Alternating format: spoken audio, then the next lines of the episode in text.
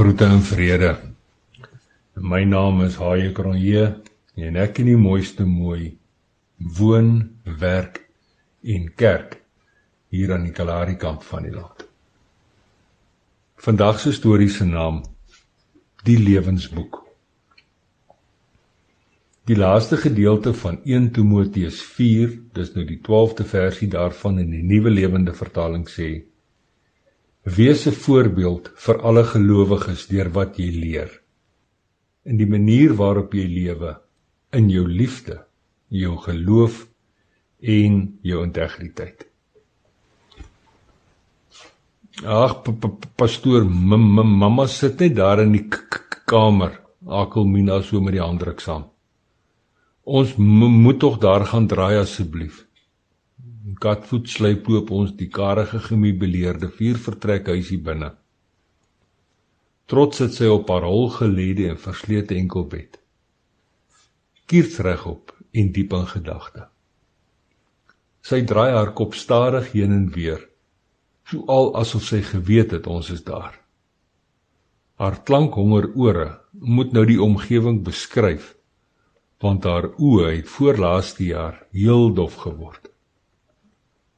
Middag ouma, sê ek in die mooiste mooi, so amper in stereo, terwyl ons weerskante langs die voormalige voordanser op enkelbed gaan sit. Met die hoor van ons stemme ontplooi haar gesiggie terwyl 'n breë glimlag om haar amper tandlose mond die hele vertrek verhelder. Middag paaster, middag mevrou, sê sy vriendelik terwyl sy soekend voel voel na my en die mooiste mooi met haar net vel en seëning en beenhande. Die Here is koning en sy naam is Jesus. Dankie Jesus. Met haar linkerhand hou sy my hand krampagtig vas terwyl sy die mooiste mooi op dieselfde wyse met haar regterhand styf vashou. Almal skers en koggel mekaar terwyl ouma stilweg glimlag. Haar asempie is maar vlak en min maar sy beer dapper en moedig voort. Pastor, jy weet mos 'n lewensboek is daar vir almal om om te lees, né, pastor? sê vra sy skielik. Ek moet julle eers van my lewensboek vertel.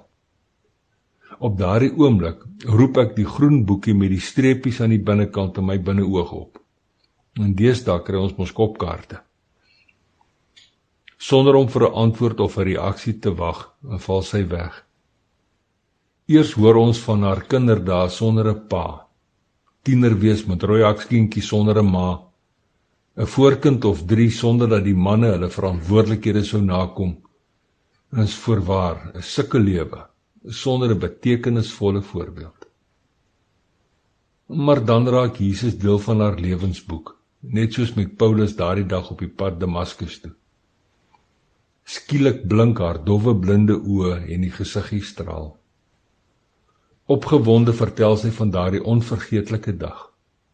Die dag toe sy haar sukkellewe agtergelos het en uitgekniel het. Daardie dag toe sy kruisbloed meer as genoeg was. Nou leef sy haar lewe so dat ander sy liefde in haar kan beleef en ervaar, want sê sy my lewensboek het eers daardie dag begin.